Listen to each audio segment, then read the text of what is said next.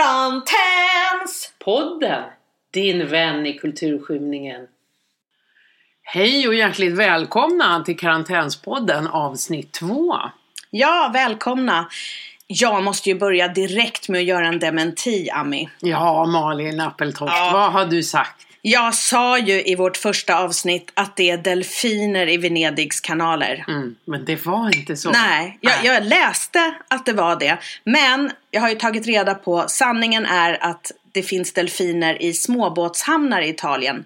Där, där det inte har funnits delfiner förut. Så att det är ändå lite sådär att moder natur kommer tillbaka och tar över. Så att det var inte helt fel. Det var inte helt fel. Nej. Vi kanske ska säga, vi, är jag heter Ami Hallberg Pauli och det här är Malin Appeltoft. och vi är komiker som har eh, lite leda nu eftersom inte vi får stå framför och få bekräftelse framför publik och så vidare. Ja, Mm, så nu gör vi en podd den här karantänspodden. ja. Mm, hur vi, mår du idag då? Mår du bättre idag? Jag mår bra. Mm. Hur mådde jag sist? Nej, du mådde nog bra Nej, sist. för att jag hostade lite? Nej, eller? nej, nej. Jag bara tänkte med allmänna läget. Det har ju varit tal till nationen med Ja. statsministern och... Nej men jag känner mig fortfarande lugn. Jag undrar, liksom, är det något fel på mig att inte jag drabbas av panik som man ser en del i sociala flöden? Men jag känner mig väldigt lugn. Jag, jag tror att vi är i trygga händer. Jag tror också det. Jag blev lite lugn. Jag blev inte för att jag är något jättefan av Stefan Löfven men det kändes opolitiskt sakligt och korrekt. Och de, även den här Tegnell och han den äldre epidemiologen, vad heter han? Jag vet inte. Nej, han blev väldigt lugn av. Ja. Han bara, nej det är ingen fara. Det är över till sommar, kanske. Ja. Eh, så att eh, jag känner mig också lugn. Men vi kanske har fel. För att eh, nu har vi ju nämligen en gäst här som Sara Norman. Hon skulle ju ha kommit till oss. Men hon valde faktiskt att, att stanna hemma. Så henne har vi med via, via på telefon helt enkelt. Ja, det har vi. Hej Sara, välkommen! Hej på er, hej! Hej, Sara Norman. Eh, du vågade inte komma hit idag. Nej, det, var, det var ju lite konstigt faktiskt, till och med i mitt eget huvud. För igår kväll så tänkte jag att det är klart att jag ska åka och tränga ihop mig runt en mikrofon med er. Det skulle vara jättetrevligt. Men sen vaknade jag i morse och har legat och lyssnat mycket på BBC under natten, sådär som jag gör. Och så tänkte jag bara att det här är ju en karantänpodd. Ska man verkligen inte sitta i karantän då om man ska vara med på den istället för att, istället för att sitta och andas på varandra? Jaha, du tänker så. Ja, och du tog det Det bokstavligt. var så jag tänkte. Ja, Ja, jag tog det bokstavligen verkligen. Och jag ska lägga till att jag är inte, jag är inte heller så himla panikslagen. Det är inte så att jag sitter och liksom tycker att nu, nu, nu är det ut avgrundsstupet på väg på något sätt. Men det är bara att, att ja, jag tänkte att just för det här ändamålet så kanske det är bättre om jag faktiskt satte mig i karantän och vi gör det här. Ja, Även om det bara är en halvtimme eller så. ja.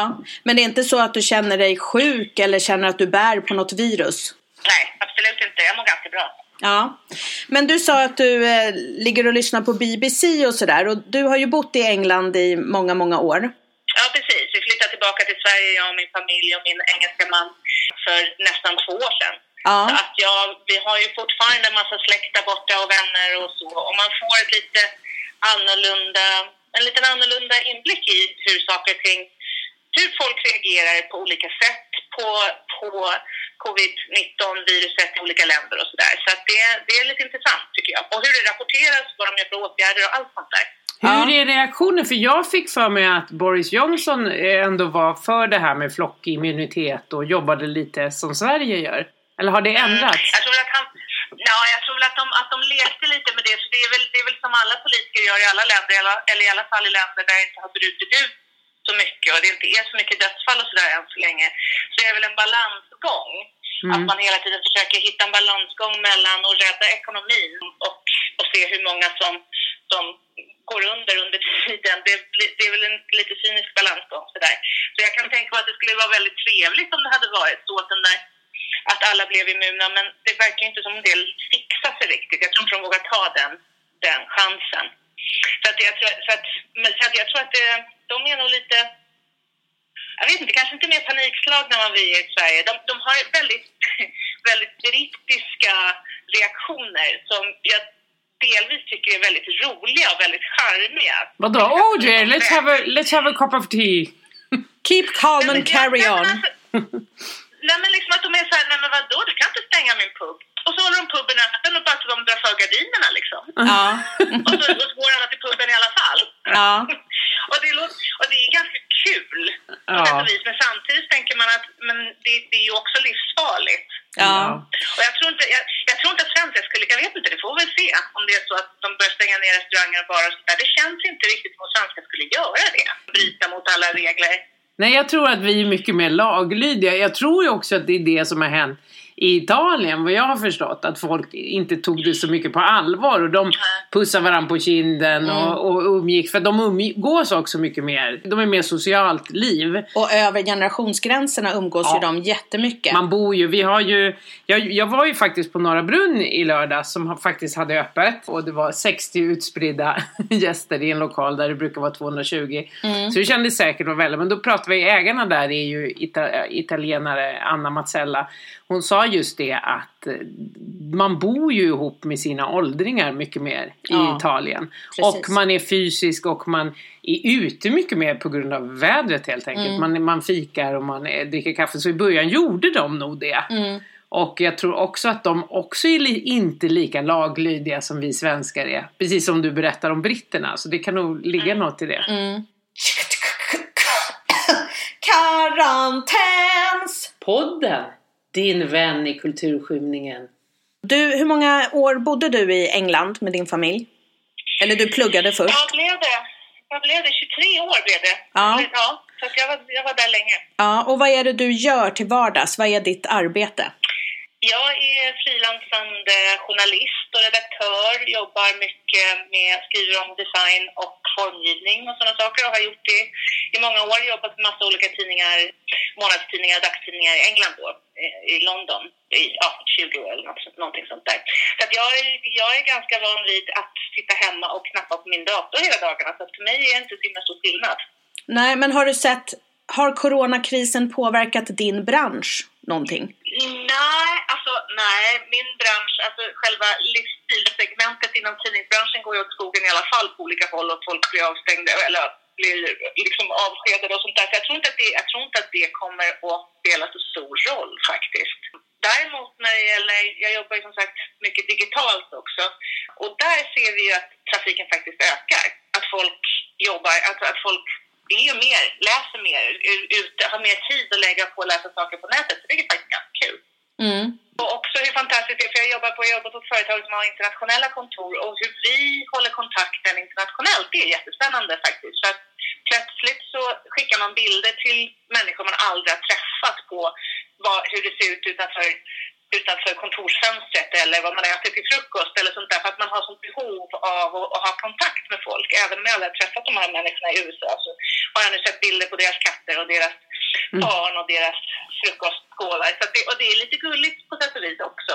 Vi Mm. har ju ett sånt himla behov av att ses och höras och få bekräftelse att man är människa, liksom, även om det sker på nätet. Så jag tror att det, kommer, det, det tror jag kommer komma mer och mer faktiskt, ju mer vi isolerar oss i Sverige så småningom. Mm. Det, det är en Men, sak eh, som jag också tänkte på när jag var på Norra Brunn. Det, när showen är slut vid 11 då brukar alla fösas ut eller alla går hem.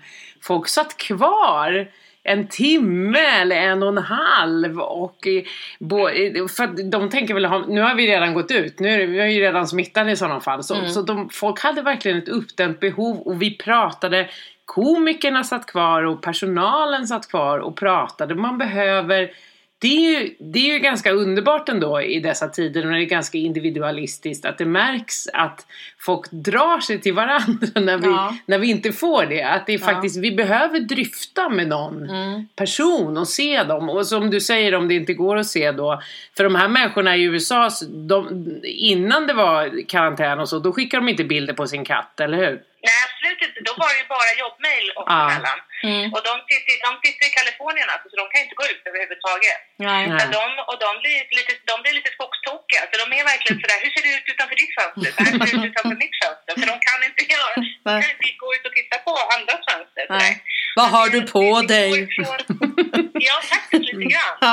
Det går liksom från en, pers- från en jobbrelation till en personlig relation. Och det här är människor som jag aldrig kommer träffa ansikte mot ansikte antagligen. Nej. Men, det, men det, plötsligt så får man, Och så skrev jag att jag var lite krasslig förra veckan och herregud, det skulle jag inte ha gjort för jag har fått liksom 200 mejl från programmerare. Ja.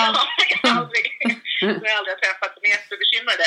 Ja. Det är lite, ja, nej, men det, det, det- man, man får tänka på det som att det är det finns ju positiva konstigt nog aspekter av det här också.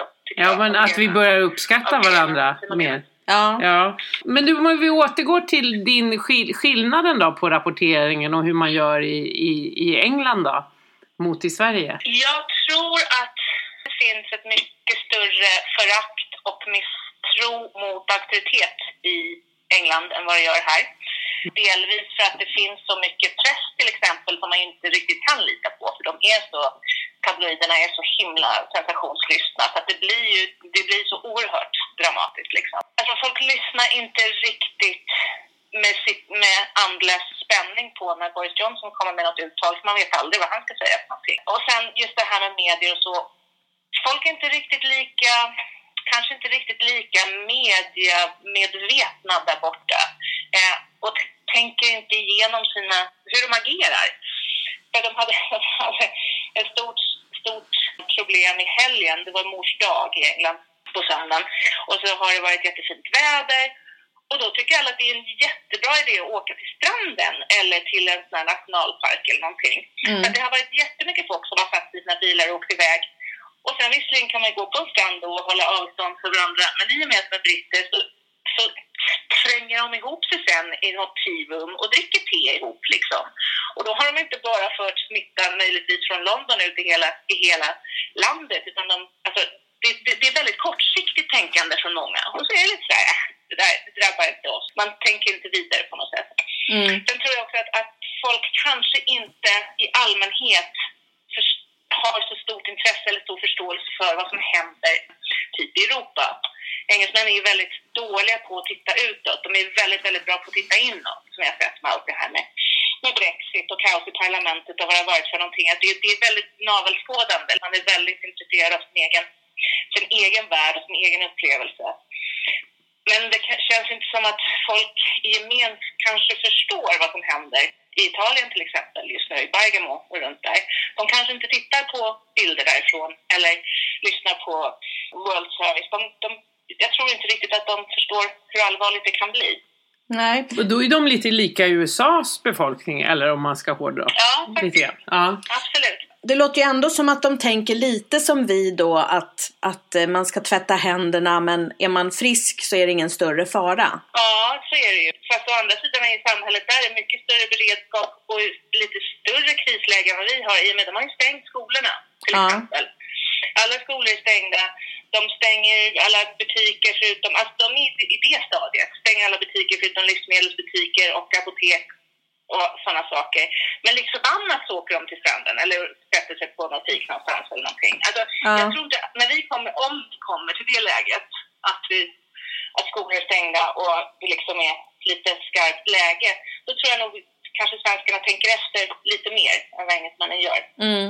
Det är det som är skillnaden tror jag. Ja. Men sen har, det varit, sen har det varit rätt kul med rapportering eller hur de hanterar saker. Just på BBC då är jag lite BBC-fanatiker. Men att de, eh, att de sänder de flesta program men att de inte gör det från Radiohuset utan att de sitter hemma och gör det. Ja. Alltså, man kan ha en paneldebatt och så sitter folk hemma i sina kök typ Ja. Mhm. och, och spelar lite gitarr och sjunger och berättar historier och vad det nu är för program. Liksom. Att, att, de, att de fortsätter, även om det inte kan göras på det sättet som programmet vanligen, det formatet som programmet vanligtvis har. Men gör de inte som vi då, att, att eh, de har, kör utan publik i tv-studion? Jo, men, får, men de, får inte ens, de tar sig inte ens till tv-studion eller till. Radiohuset, utan Mhm. de sitter hemma. Mm. För att det var, det var ett, ett, ett program om farmers, farming news, eller farming news, eller vad det heter på morgonen, som går tidigt som är en massa olika såna här lantbrukargrejer och så.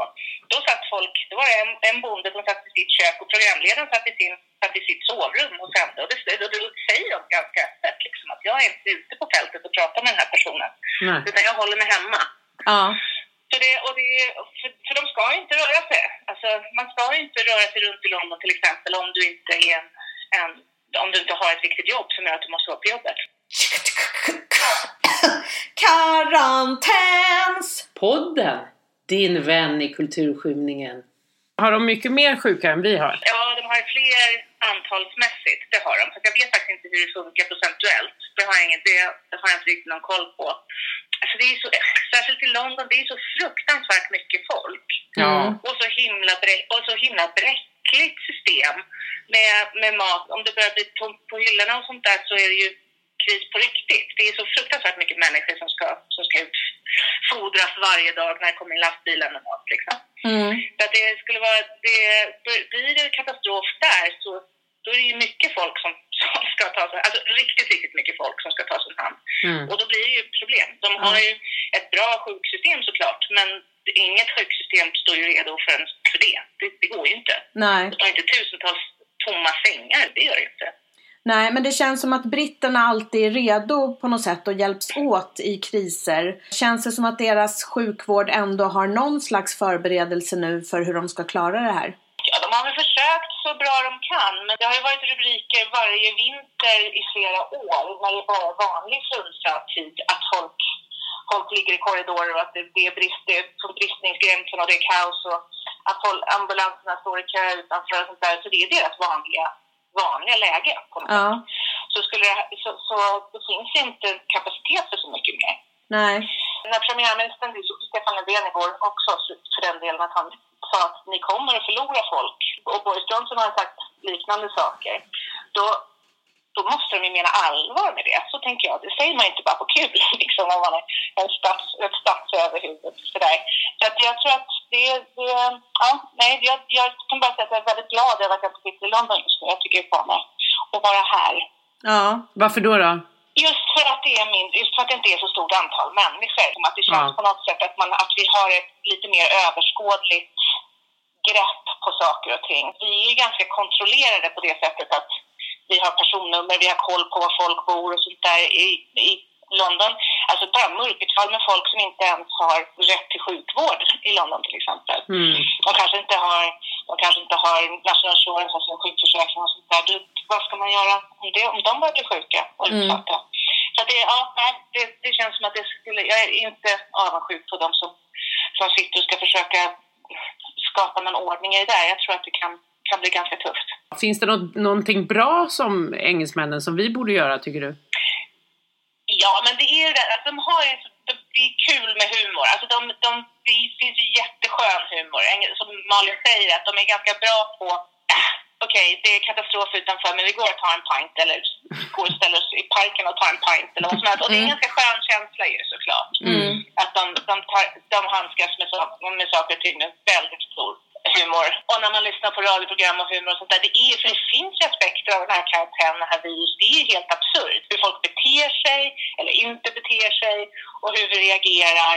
Men också, som, men också jättefina mänskliga insatser och sånt där. Så jag tror att det, det brukar engelsmännen vara väldigt bra på. Det är Ja. de absolut. Men du Sara, har engelsmännen också bunkrat toalettpapper? Ja, men de var väl först med det här med bunkra toalettpapper. Okej. Alltså engelsmännen, alltså engelsmännen och toalettpapper, det är ett helt kapitel för sig. Vadå? Alltså, om ni har varit i ett Nej men alltså om ni har varit i en stor engelsk supermarket någon gång Ja. och tittat på hur olika, många olika sorters toalettpapper de har. Ja. Det är helt absurt. Mhm.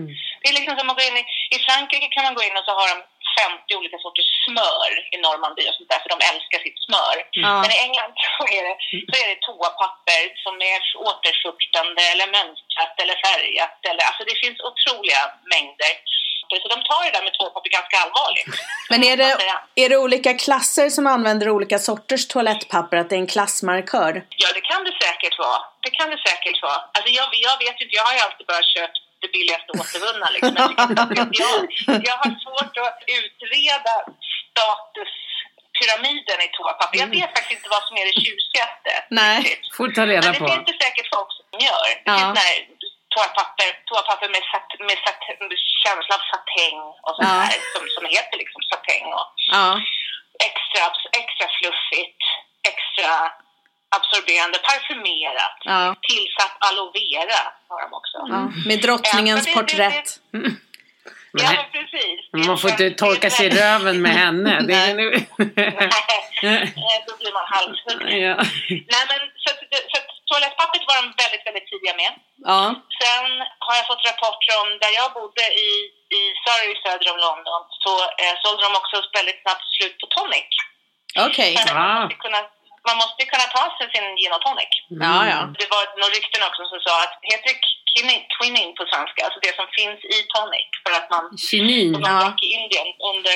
Mot malaria. under Ja, eh, kinin. Ja, men precis. Att det, ska, att det ska tydligen ska kunna hjälpa lite. Så det, det var, de slog väl två flugor i en smäll där kan jag tänka mig. Ja, ja. Dålig Ja. ursäkt att supa säger jag bara. Dålig Ja, ursäkt. hur? Kinin finns inte längre i tonic. Gör inte det? Nej. Men du Sara, jag måste bara Gör fråga. inte det? Nej. Ja, nej, Nej. nej, men det är så. Karantäns! Podden. Din vän i kulturskymningen. Din man som bor i Sverige med dig nu, hur förhåller han sig? Känner du att ni har olika förhållningssätt till det här med viruset eller tänker ni ungefär likadant eller hur går diskussionen hemma när ni pratar? Nej, vi tänker väl ungefär likadant. Vi är båda ganska lugna runt det för vår egen del liksom, och inte speciellt hypokondriska och sånt där. Han, han försöker vara ute och träna rätt mycket och röra på sig och sådär. Sen är ju han såklart jätteorolig för sin gamla mamma som bor ensam i London och Mm. vad som händer om det tar slut i matbutiker och sånt där när han inte kan ta sig dit för att hjälpa till. Det är klart att det är jobbigt och det måste ju sitta så oerhört mycket människor runt om i Sverige och Europa som har precis samma problem. Man är, man, man är utelåst från sina, från sina släktingar och Ja. nära och kära och så. Men sen har ju han också, han är ju gammal, gammal före detta brandman och ambulansförare. Så att jag ser att det rycker lite i honom att han så, kanske så småningom vill ge sig ut och hjälpa till på allvar. Alltså skulle det vara så att det ett krisläge i det här samhället, då, då är han en sån som skulle vilja, som verkligen skulle ge sig in och vilja hjälpa till Mm. och köra ambulans eller vad som helst. Han har det genom att, men det händer saker, då, då är det hans ansvar att ge sig in och, och hjälpa till. Liksom. Jag, jag har inte riktigt den, det är klart att jag skulle hjälpa till om det fanns något jag kunde göra, men det är inte så att jag känner att det är någonting som är del av min personlighet på något sätt. Så det, det är lite intressant att se honom när han, Mm, när han kommer igång med det. Ja. Ja, Jag funderar ju, min man är ju läkare, men jag funderar ju så här, kan man göra någonting i vården? Men han var med så här, nej, jag tror inte du ska... nej men man måste ju kunna någonting också, man kan inte bara, för jag tänkte man jobbar som vårdare eller någonting, då är det ju mest att städa och bädda Ja. om och sådär, men man måste kunna en del saker. ändå. De har ju gjort, SAS-anställda har ju fått gå igenom en Ja. snabb eh, utbildning för att kunna hjälpa till inom sjukvården. Men om din man då redan sitter på en massa kunskaper så borde det finnas stort behov, kanske så småningom, av en sån som honom. Ja, säkert. Säkert. Så att det, det, det, det är bara svårt, man vet inte riktigt vad, vem ringer man? Var anmäler man sig? Det är, väl, det är väl lite sånt som, som står i vägen. Men, det kan, men det, är det så att det blir som brist så, så finns det säkert sätt att ta reda på det. Det kan jag tänka mig. Det är ändå himla sexigt med att vara, ha sån utbildning. Det är ingen som vill ha en pajas. Nej. Det är ingen som ropar ut i flygplanet, hallå, hallå, finns det en komiker? Nu i coronakrisen, är det någon som kan skoja om corona? Nej. Nej. Jag, kan, jag kan berätta hur Du- man bäst stylar en soffa med kuddar. Det är också någonting som man verkligen vill bidra med till samhället. Jätteviktigt just nu. Ja. Eller hur? Eller hur? Ja. Ja, men vad bra. Jag hörde, eller jag såg ett klipp på Facebook om att spanska polisen åker runt i massa evakuerade städer och så underhåller de stackars instängda människor. Så de står och spelar gitarr och klappar i takten och dansar ute på gatorna och så hänger folk ut genom fönstren. Det kan ju din man kanske börja bidra med snart. Men det är ju det som vi ska göra kanske. Jaha, okej. Ja, men jag tänkte säga det, har du sett min man dansa någon gång? Jag tror inte att det skulle vara så lätt. Det är Ja. inte, inte rätt person. Det, det får ni göra. Eller jag. Nej, Ja. han ska inte ge sig ut och sjunga och dansa. Det blir bara, det blir bara Det värre. kan bli underhållande. Han kör ambulansen och vi hoppar ut och dansar. Ja, men precis. Det Ja. kan ju ha sån här komedi, alltså komediambulans. Ja. Ja, Det, det behöver man. ja. Comedy emergency. Ja. Ja. Med, med massa skrattande sirener. Det Ja. skulle vi alla behöva. Ja. Ja, men eh, vad spännande det var att få höra dina perspektiv. Eh, så här på slutet, vi ska knyta ihop säcken. Är det något annat speciellt som du tänker på eller vill säga vad det gäller Corona? Nej, jag tänker väl så här att det, det som man, jag tror att det man kommer att ta med sig, eller jag hoppas att det vi kan ta med oss från det här, det är att man på något sätt rannsakar sig själv lite grann om vad som är viktigt i livet och vad som är viktigt med familjen och sådana saker. Eh, att man får lite perspektiv på att de saker som har känts väldigt viktiga förut egentligen är helt totalt oviktiga. Eller det som man har varit stressad över eller oroad för att det inte det är helt fel. Helt fel grejer helt enkelt. Så att det känns som att, man, att vi kanske har fått tid för eftertanke och lite personlig rannsakan. Och också hur man väljer att reagera på en kris helt enkelt. Blir man en sån, nu, nu sitter jag lite i karantän men jag gör inte det egentligen. Går man ut och hjälper folk eller går man och köper en massa toapapper och stänger dörren om sig? Det tycker jag är intressant. Mm. Mm. Har du blivit osams med någon på nätet eller har du upptäckt att någon har helt olika eller förvånande åsikter nu? I sociala medier ja, eller?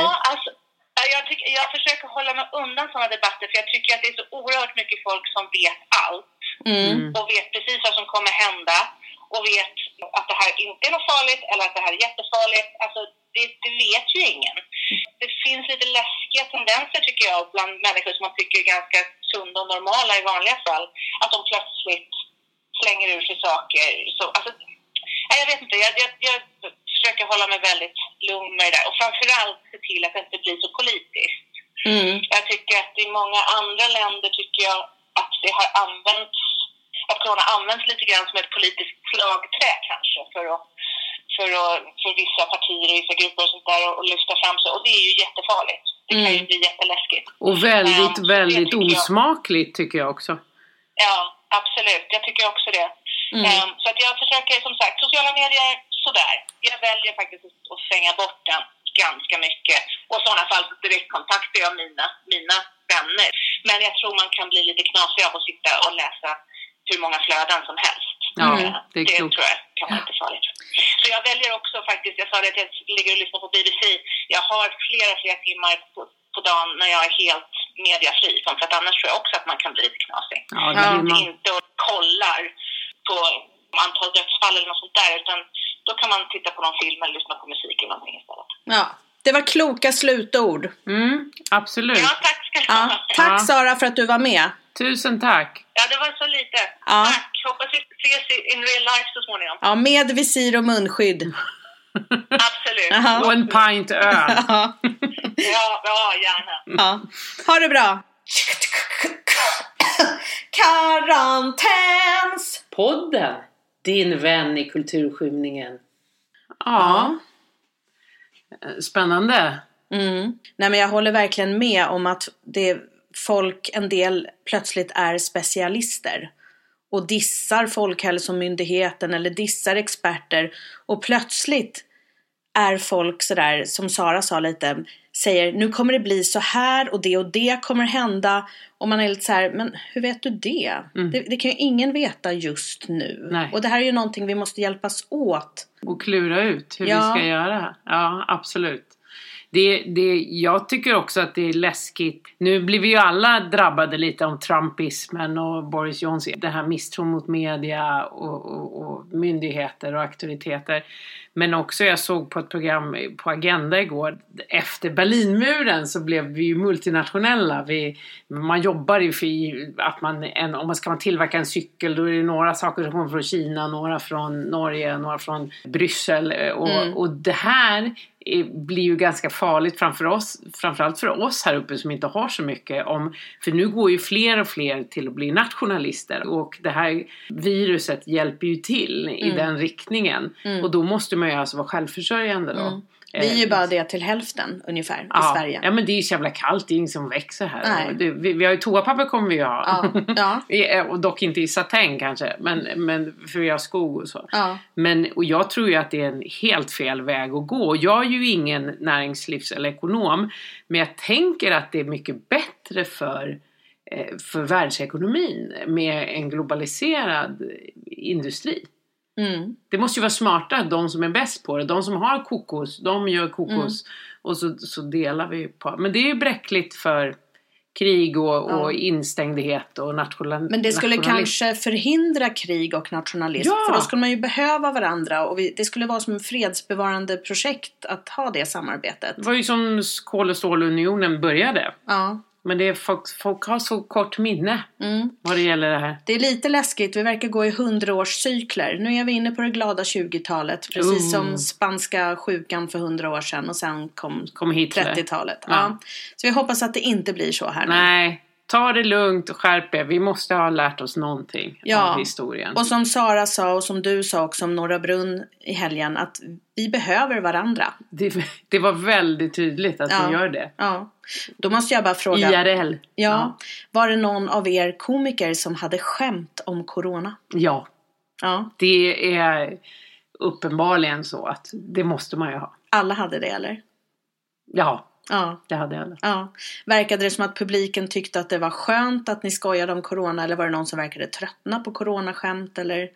Jag, jag tänker att det är så pass nytt så att, så att det blir verkligen elefanten i rummet. Det blir Ja. jättekonstigt att inte skoja Ja. och, eller säga någonting om det. Ja, ja, det skulle det vara. Och, och de verkar ju vara med på... Och det, jag menar, det var också en annorlunda situation. 60 pers utspridda på Norra Brunn en lördag. Det Mm. brukar vara knökfullt. Så, Ja. så det, situationen är uppenbar att det inte riktigt är. Men sen får man ju avväga hur mycket ska jag bara skämta om det här. Men det behöver man ju inte göra. Man har ju sina vanliga tillkortakommanden som man skämtar om. Ja. Men, det, men det var... Det var... Jo, det måste man tror jag. Ja. Fint, ska vi avsluta där? Det gör vi! Hoppas vi har varit ett trevligt sällskap för dig i kulturskymningen. Ja, hej då så ses vi snart igen. Hej då! Karantäns! Podden! Din vän i kulturskymningen.